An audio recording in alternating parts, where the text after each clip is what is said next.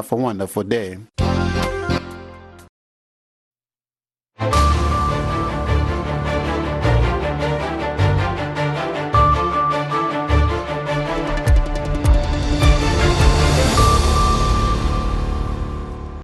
subax wanaagsan dhegeystayaal ku soo dhowaada idaacadda subaxnimo ee laanta af soomaaliga v o a oo idinkaga imaaneysa washington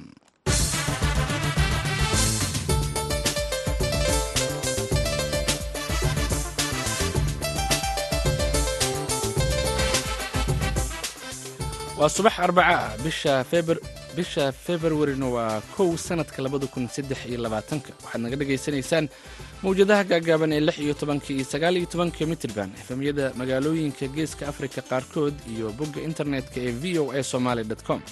Saacadda afrikada bari waa lixdii iyo barkii aroornimo. Idaacadda saaka iyo caalamka waxaa idinla socodsiinaya aniga oo ah nuur xasan nuur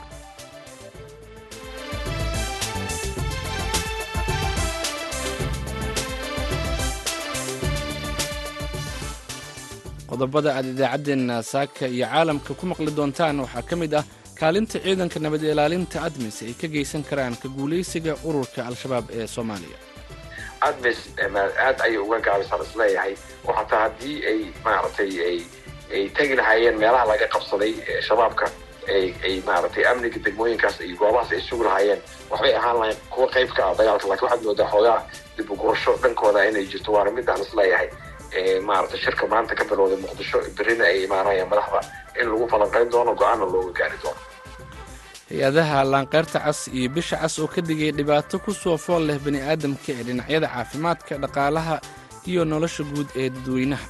Macallimiinta gobollada england iyo wales oo shaqo joojin sameeyey iyo wararkii ugu dambeeyey ee ciyaaraha gaar ahaan suuqa kala iibsiga oo xalay xidhmay ayaan idiin haynaa balse intaas oo dhan waxaa ka horreeya warkii caalamka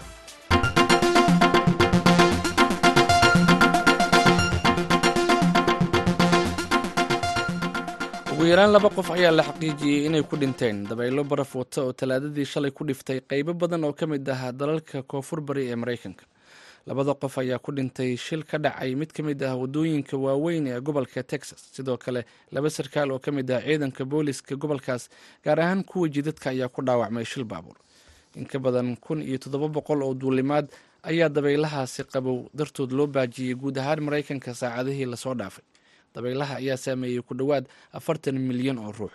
Khubarada saadaasha hawada ayaa ka digay in dabaylahan barafka wataa ay saameyn doonaan laga bilaabo galbeedka texas ilaa gobolka west virginia. Afar nin oo si aada loogu tuhmayo inay ka tirsanaayeen koox aada u hubeysnayd oo gurigiisa ku dishay madaxweynihii hore ee dalka haiti jovenel mowis ayaa loo soo gacangeliyey dowladda maraykanka si halkan loogu maxkamadeeyo sida ku warantay wakaaladda wararka maraykanka ee a p. Arrintan ayaa ka dambeysay kadib markii dil loogu hanjabay garsoorayaasha haiti ee dhegeysanaya kiiska ragga lagu tuhunsan yahay dilka madaxweynihii hore ee haiti. Eedeysanayaasha loo soo gudbiyey maraykanka ayaa waxaa ka mid ah james slogis oo toddobiiyo soddon jir ah iyo joseph vincent oo toddobiiyo konton jir ah oo labaduba isku haysta dhalashada haiti iyo maraykanka madaxweynihii hore ee haiti jovenel mowis ayaa lagu dhiftay laba iyo toban xabadood xili uu ku sugnaa hoygiisa oo ku yaalla caasimadda haiti ee port o prince bishii juulaay toddobadeedii sanadka labada kun koob iyo labaatankii. Wixii markaasi ka dambeeyey haiti waxay gudaha u sii gashay qalalaaso siyaasadeed iyo rabshado hubaysan oo ay ku lug leeyihiin. Kooxo burcad ah oo kala qaybsaday awoodda inta badan magaalooyinka dalkaas. Dhegeystayaal warka caalamka waa naga intaa u diyaar garooba qaybaha inooga haray idaacaddeenna saaka iyo caalamka.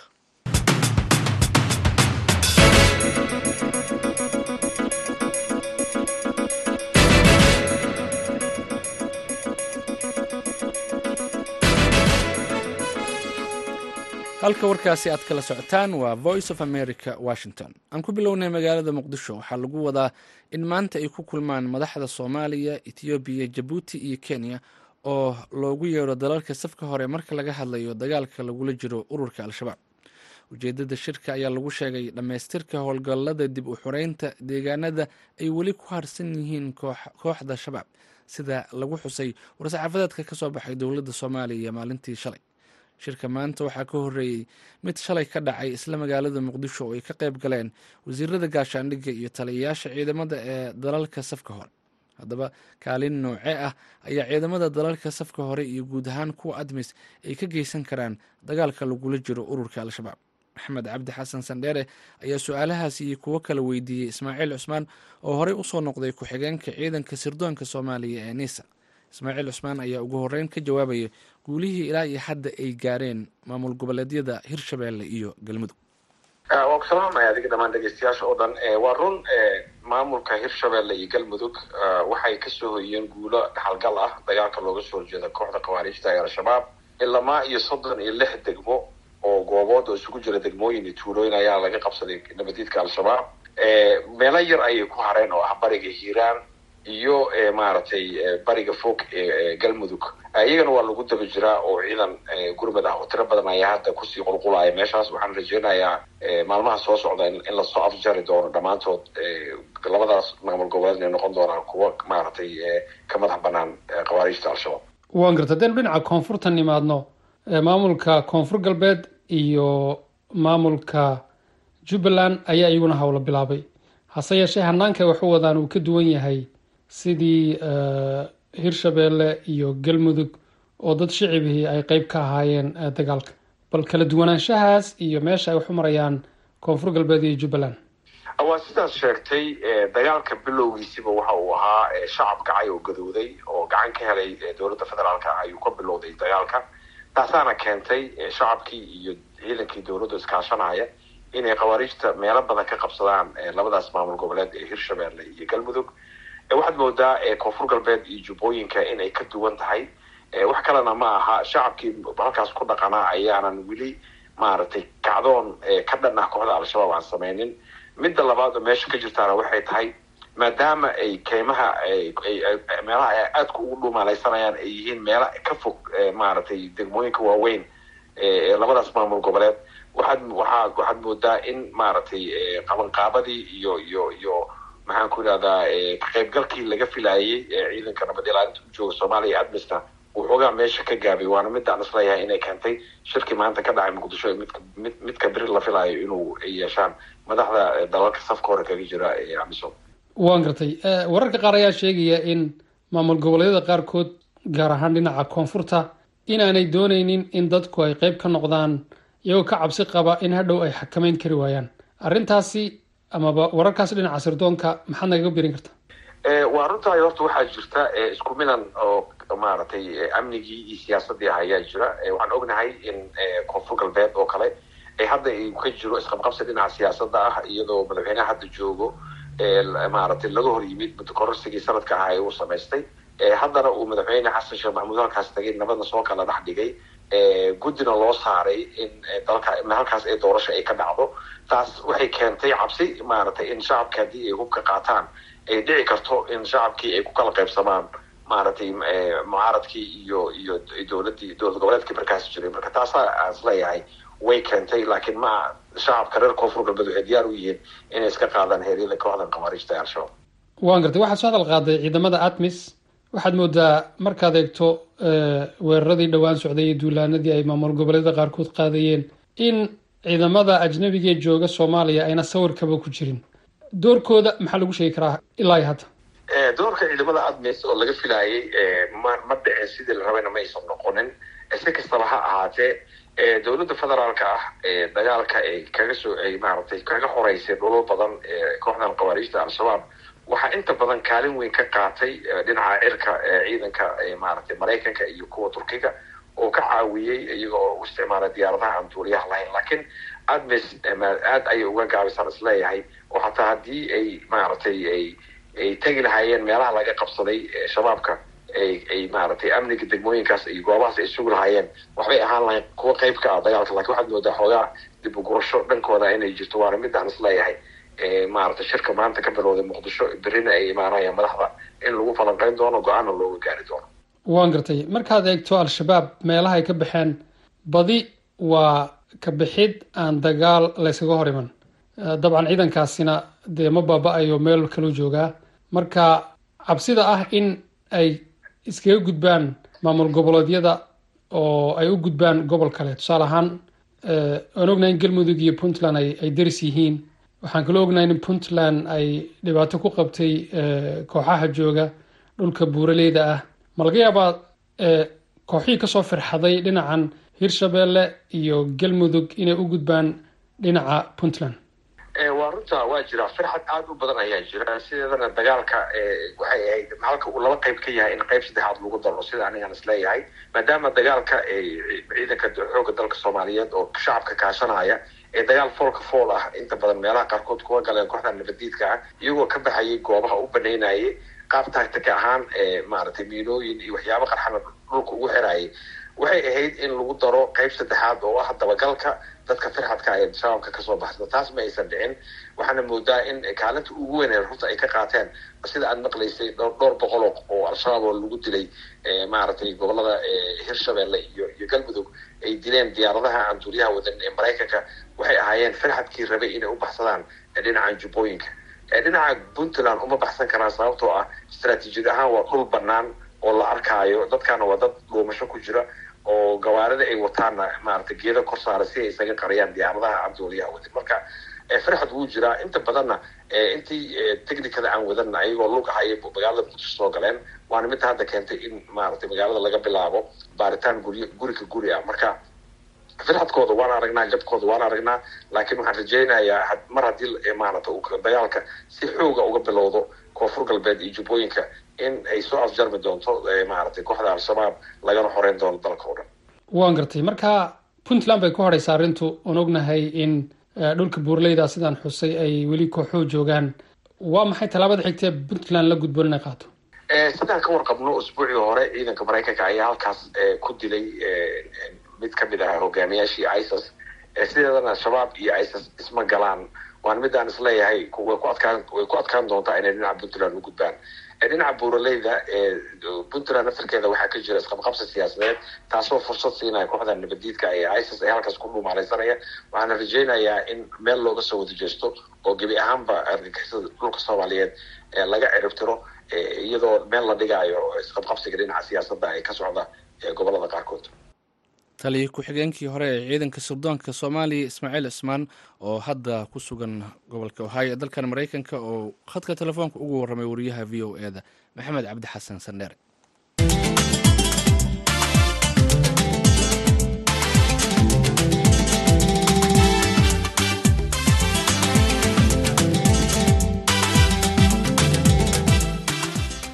ururada caalamiga ah ee laanqeyrta cas iyo bisha cas ayaa ka digayay in dunida ay ku soo food leedahay khatar weyn oo aysan u diyaar garoobin kuwaas oo ay ku jiraan cudurro. Waxay hay'aduhu sheegeen in masiibadan ay keeni karto cirib xumo saameyn karta caafimaadka dhaqaalaha iyo nolosha bulshooyinka guud ahaan caalamka. Warbixin ay liisa shalayn ka soo dirtay dalka switzerland waxaa soo jeedinaysa zahare cabdi axmed warbixinadii hore ee khatarta lahaa ee i f r c du si qoto dheer uma aysan ogaanin macluumaadka wixii sababay masiibooyin badan oo dabiici ahaa kuwaasi oo sababay sannadkii hore burbur lixaad leh oo soo gaaray dhammaanba kaabayaasha nolosha ma jirto wax lagu ogaaday darajada ay gaarsiisnaayeen masiibooyinkaasi sida dhulgariirada daadadka iyo sidoo kaleeto abaaraha. Marka la eego dhimashada iyo burburka iyo maciishadaha iyo kaabayaasha dhaqaalaha ee iyaguna uu soo gaaray burburka lixaad kale taa beddelkeeda waxaa warbixintu ay diiradda saaraysaa qalalaasaha caalamiga ah ee ka dhashay masiibadii covid nneteen-ka iyo digniinaha masiibooyinka ka sii xun ee imaan doona haddii bulshada caalamka aysan hadda u diyaargaroobin dhibaatada caafimaad ee imaan karta. Xogayaha guud ee hay'adda i f c ayaa ninka lagu magacaabay jegan jabangin ayaa waxa uu sheegay in qorayaasha warbixintan ay soo gabagabeeyeen in cudurka faafa ee coronaviruska uu ahaa masiibadii ugu weyneed ee la xasuusto nolosha aadanaha cabirkeeda waxay ila tahay in masiibo kale oo sida duufaano dhulgariir abaaro ama sidoo kaleeto daadad ah oo loo barbardhigi karo aysan jirin sida uu u saameeyey xanuunkan bini-aadamka iyo dhaqandhaqaalihii dunida. Qiyaasaha dhabta ah ayaa noo sheegaya in lix dhibic shan milyan oo qof ay u dhinteen covid nneteenka saddex sano gudahood. Laakiinse dhammaantood waan ognahay in tirada dhabta ah ay noqon karto mid aad iyo aad uga badan halkaasi ayuu yiri jabangeyn qarashaadka maaliyadeed ayaa waxa uu yiri sarkaalkaasi waa mid aada u liidata. Waxaa kaleeto uu sheegay in hay'adda lacagta adduunka i m f ay ku qiyaastay qiimaha masiibada ee saddexdii sane ee la soo dhaafay ee burburka covid nneteen-ka dhaqaalaha dunida uu u geysto ay dhan tahay saddex iyo toban dhibic sideed trilyan oo dollar. Waxaa kaleeto uu sheegay in faafitaanka xanuunka covid nneteen-ka uu noqday baraarujinta bulshada caalamka hadda si ay ugu diyaargaroobaan dhibaatada caafimaad darre ee imaan karta wuxuu kaleeto xusay in ururka caafimaadka adduunka iyo dhaqaatiirta badan ee caalamka ku kala firdhisan ee ku takhasusay cudurrada faafa ay ka digeen cudurrada dilaaci kara ayna sii kordhayaan waqtigan xaaladaha cudurrada sii laba lixaadsanaya jabingen ayaa waxaa kaleeto uu sheegay in faafitaankan ay sabab u tahay arrimo ay ka mid tahay isbeddelka cimilada kor u kaca dhaqdhaqaaqa badeecooyinka iyo adeegyada kale. Magaalooyinka iyo sidoo kaleeto sinaan la'aanta sii kordhaysa. Wuxuu kaleeto sheegay in guusha laga gaarayo wax kasta qabashadeeda iyo dhibaatooyinka caafimaadka ee mustaqbalka ay ku xiran tahay in la dhiso ayuu yiri kalsoonida hogaamiyaasha adduunka guud ahaan iyo bulshada dhexdeeda iyo inta u dhexaysa bulshooyinka iyo wadamadaba kalsooni la'aanta dhibaatooyinka kahortaga masiibooyinka ee nafta lagu badbaadinayo lama aqbali doono oo way adag tahay ayuu yiri in dadku aysan aada ugu baraarugsaneyn arrintaasi. Diyaargarowga waxay u baahnaan doontaa ayuu yiri sinaan. Diyaargarowgeenna waa in lagu daraa ayuu yiri qodobada sinaan weyn oo loogu talagalay in sababtoo ah xaaladahan deg dega ah ee caafimaadka dadweynaha ee laga yaaba inay xumaato wax looga qabto jabin ayaa waxaa kaleeto uu sheegay in ururada bulshada rayidka ay ku salaysan yihiin qeyb muhiim ah oo ka mid ah u diyaargarowga iyo kahortegista wax ka qabashada masiibooyin dhalan kara. Waxaa kaleeto uu sheegay in jilayaasha aan dowliga ahayn iyo bulshada rayidka ay leeyihiin door muhiima oo ay ka ciyaari karaan ka jawaabista safka hore ee dhammaan wejiyada maareynta haddii cudurro ay dilaacaan wuxuu kaloo xusay in shaqaalaha i f r c iyo shabakadaheeda kaleeto ee mutadawiciinta ah ee caalamka inay gaareen in ka badan hal dhibic hal bilyan oo qof saddexdii sano ee la soo dhaafay. Waxaa kaleeto uu sheegay inay ka caawinayaan inay badbaadiyaan dadka inay ka hortagaan viruskaasi warbixintaas waxaa jeneva ka dirtay wariyaha v o e da lisa shalayn waxaana soo koobeysay zahra cabdi axmed.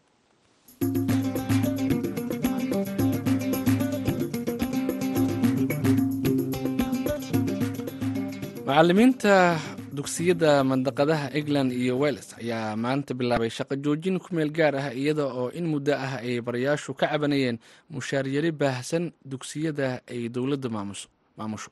Warbixin ku saabsan arrintan waxaa london ka soo diray wariyaha v o e da ee qaaradda yurub cabdixaafid cawil ismaaciil ma aha wax lala yaaba inay barayaasha dugsiyada ay dowladdu maamushaa bilaabaan shaqo joojin. Waxa kala mid yihiin shaqaalaha bulshada kale sida wadayaasha baabuurta dhooliyada kalkaaliyayaasha caafimaadka iyo shaqaale kale oo badan oo marar kala duwan sameeyey shaqo joojin kooban. Qiimaha shidaalka maceeshada iyo ijaarka guryaha ayaa aada u kacay. Dabcan dagaalka ukrain iyo ruushka ayaana saameyn weyn ku yeeshay nolol maalmeedka bulshada yurub guud ahaan muddooyinkii u dambeeyey waxaa jira macalimiin bilowday shaqooyin labaad oo ay ku kabaan nolosha halka qaarkoodna ay iskaga tageen ka shaqaynta waxbarashada. Macalimad magaceeda la yidhaahdo breston oo u warantay wakaalada wararka ee reuters ayaa sheegtay inay saddex maalmood ku shaqayso macalin dhiga luqadda ingiriisida halka ay labada maalmood ee kalena haysato caruurteeda sababtuna ay tahay ayay sheegtay inay awoodi kari weydeen inay shaqaalaysiiso qof ilmaha u haya xafladii dhalashada ilmahayga ayaa niman kari waayey ayay tiri aniga oo shaqaynayay awgeed waana niyad jab. Keligeed maaha macalimiinta laba shaqo isku haya.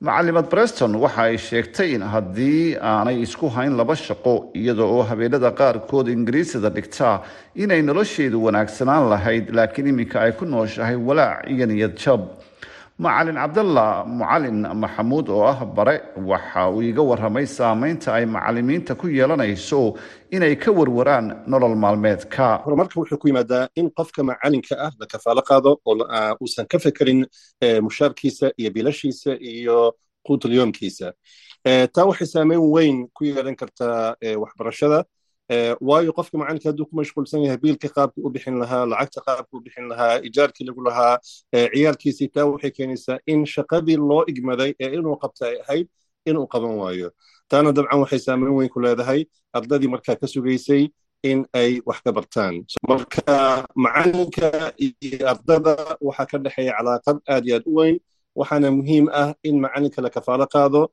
maxaa dhahdaa mushaaraadkiisii iyo noloshiisii oo dhan. Marka adduunka aad fiiriso waddamada ugu waaweyn oo macalimiinta aad u caawiya oo ugu wanaagsan waxaa ka mid a singapore waxaa ka mid a south korea waxaa ka mid a germany waana waddamada waxbarashadooda ay taysan tahay oo runtii aad iyo aad u wanaagsan tahay. Taana waxaa keenay mushaaraadka ugu badan ayay qaataan waddamada haddaan xusay. Dhinaca kale marka u k aad fiirisid waxa uu ka mid yahay waddamada lagu xisaabiyo in macalimiinta aysan siinin mansabkii iyo darajadii loo baahnaa xagga mushaaraadka waana midda keenaysa hadda in ay sameeyaan ama ay ku dhaqaaqaan shaqo joojin. Dhinaca kale waxaan macalin cabdalla weydiiyey sida arrintani u saamaynayso ardayda dugsiyada dhigataa. Ardada waxay ku leedahay saameyn aad u weyn waayo ardada waxay sugayaan macalin soo diyaariya maadadii macalin meelo badan oo wax ka soo eegay macalin ku soo mashquulay qaabku ardada wax u fahamsiin lahaa.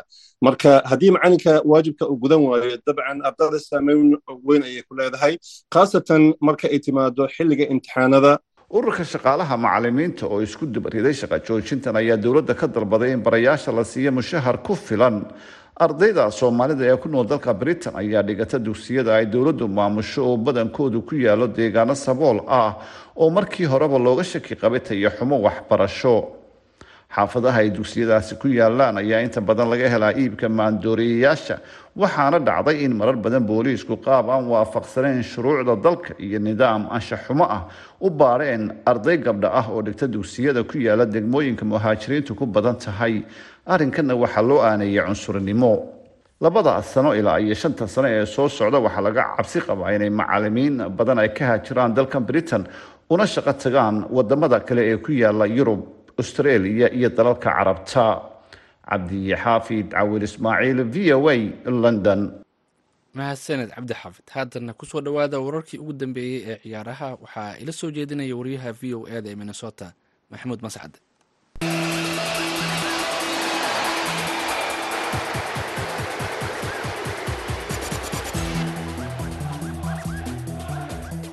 aan ku bilowna ee xalay waxaa soo xirmay suuqa kala iibsiga ciyaartooyda ee qaar ka mid ah dalalka horyaalada kubadda cagta yurub uga caansan.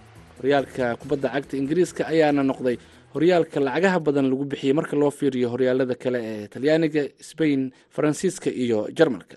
Maxamuud mascade wariyaha v o e da oo si dhow ula socday ayaa hadda khadka telefoonka ku jira.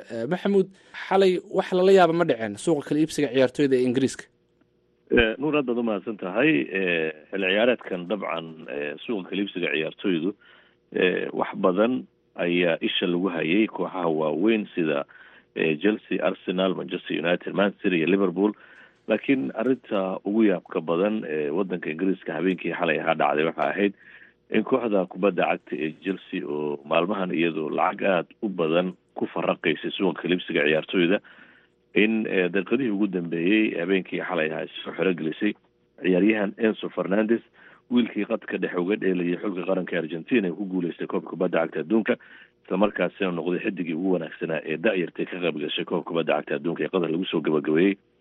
Waxaa xidigaasi uu kooxda kubadda cagta chelsea u kacay lacag gaaraysa boqol iyo toddoba milyan oo ganiga ingiriiska ah waxaana ay kooxdu ka soo iibsatay xidigan kooxda kubadda cagta ee benfica oo iyadu aada iyo aada ula gorgortantay kooxda kubadda cagta ee chelsea waxaana ugu dambeyntii chelsea ay ku qasbanaatay in ay xidigan ku soo iibsato lacagtii benfica ay xidigan ka saxiixday haddii cid lacagtaasi keensataa uu kooxda ka tegi karo.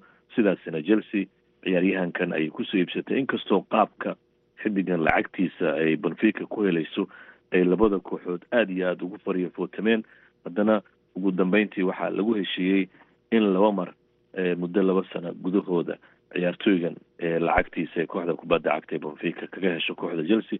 Inkastoo chelsea ay dooneysay in ay lacagtan yaryarayso ooy markaa ilaa iyo afar sano ku bixiso. Sidaasi darteedna ugu dambeyntii labada kooxood way isafgarteen waxaana xidigani kooxda u saxiixay inuu la joogi doono muddo sideed sana waayahay marka sidaas ayuu ku noqday laacibkii ugu qaalisanaa ee soo mara taariikhda kubadda cagta ingiriiska. Aada iyo aad ciyaaryahan greelish oo kooxda kubadda cagta ee manchester city aston villa ka soo iibsatay ayaa isagu ahaa xidigii lacagta ugu badnayd laga soo bixiyay. Laakiin haatan ciyaaryahan enzo fernandez ayaa noqonaya xidiga ugu qaalisan. Waana ciyaaryahan aada u da-yar oo marka la eego xirfadiisa kubadeed iyo muddada dheer uu ciyaaraha ku sii jiri karo. Ayaa ah sababta ay benfica lacagta faraha badan ugu dooneysa xidigan xilli ciyaareedkii kan ka horreeyeyna ciyaaryahan nunes oo ay ka iibisay kooxda kubadda cagta ee liverpool ay isagana lacag siddeetan milyan kor u dhaafeysa ay ku iibisay. Marka benfica xidigaha reer argentina iyo uruguay laba xilli ciyaareed isku xigta ayay lacag fara badan ku iibiyeen waa suuq qaali ah dabcan benfica oo laga dukaamaysta waayahay yaa kale kooxaha waaweyn maxaan ku xusi karnaa ciyaartooydii ay kala wareegsadeen ama ay kala iibsadeen? Kooxda kubadda cagta arsenal ayaa dabcan ah kooxaha sida aadka loo hadalhayo. Ciyaaryahan da-yar oo u dhashay wadanka ecuador oo u ciyaara kooxda brighton oo la yidhaahdo kaysiro ay kooxda muddo badan raadinaysa ilaa iyo toddobaatan milyan oo ganiga ingiriiska ayay ka dhigtay waana ay ku guuldaraysatay inay xidigaasi kooxda brighton hof albion kala soo wareegto. Laakiin ciyaaryahan tababare arteta ayaa u diga rogtay dhinaca iyo kooxda chelsea uu ka soo gatay ciyaaryahan georgino wiilka asal ahaan ka soo jeeda brazil laakiin qaranka talyaaniga u ciyaara. Xidigaasi oo koobo fara badan ugu guuleystay kooxda kubadda cagta ee chelsea koobka yurub la qaaday kooxda qaranka talyaaniga. Waxaana ciyaaryahankan uu kooxda u kacay lacag aada u yar oo laba iyo toban milyan oo ganiga ingiriiska ay kooxda kubadda cagta ee arsenal georgina kula soo wareegtay laakiin marka la eego xidigan qaabka uu kubadda u ciyaaro oo macalin arteta yahay qaabka aadka u jecel yahay isla markaasina ahaa mar inay kooxda manchester city xilligaasi uu arteta laftiisu ka mid ahaa macalimiinta kooxdaasi ciyaaryahanka didayeysay inuu u arko arteta georgino nin kooxda arsenal waxa weyn ku soo kordhin kara isla markaasina qadka dhexe kooxda uu waxa weyn ka bedeli karo dhinaca kale nuurow haddii la eego kooxaha kale manchester united uu ka dhaawacmay ciyaaryahan ericson waxa ay deen kaga soo qaadatay kooxda bayer munich. Ciyaaryahan sabitar oo isaga la filayo inuu waxa weyn kooxda ku soo kordhin doono. Laakiin ciyaaryahanka la yaab kale habeenkii xalay ahaa ku soo biiray leeka wadanka ingiriiska. Waa goorhayaha kooxda kubadda cagta ee b s g ciyaaryahan nevers oo ku biiray kooxda kubadda cagta ee nottingham forest. Goolhayahaasi kooxda kubadda cagta ee real madrid saddex champions league ayuu la soo qaaday waxaana la filayaa kooxda nottingham forest inuu ka badbaadin doono ku noqoshada ciyaaraha heerka labaad ee wadanka ingiriiska. Mascad aad ayaad u mahadsan tahay waryaha v o eda ee gobolka minnesota oo aan isla falanqaynaynay suuqa kala iibsiga ciyaartooyda ee yurub ee xalay soo xirmeeyey gaar ahaan ingiriiska haatanna aanu aadnu dhinacii heesaha dabacsan waxaan idiin soo qabannay axmed naaji sacad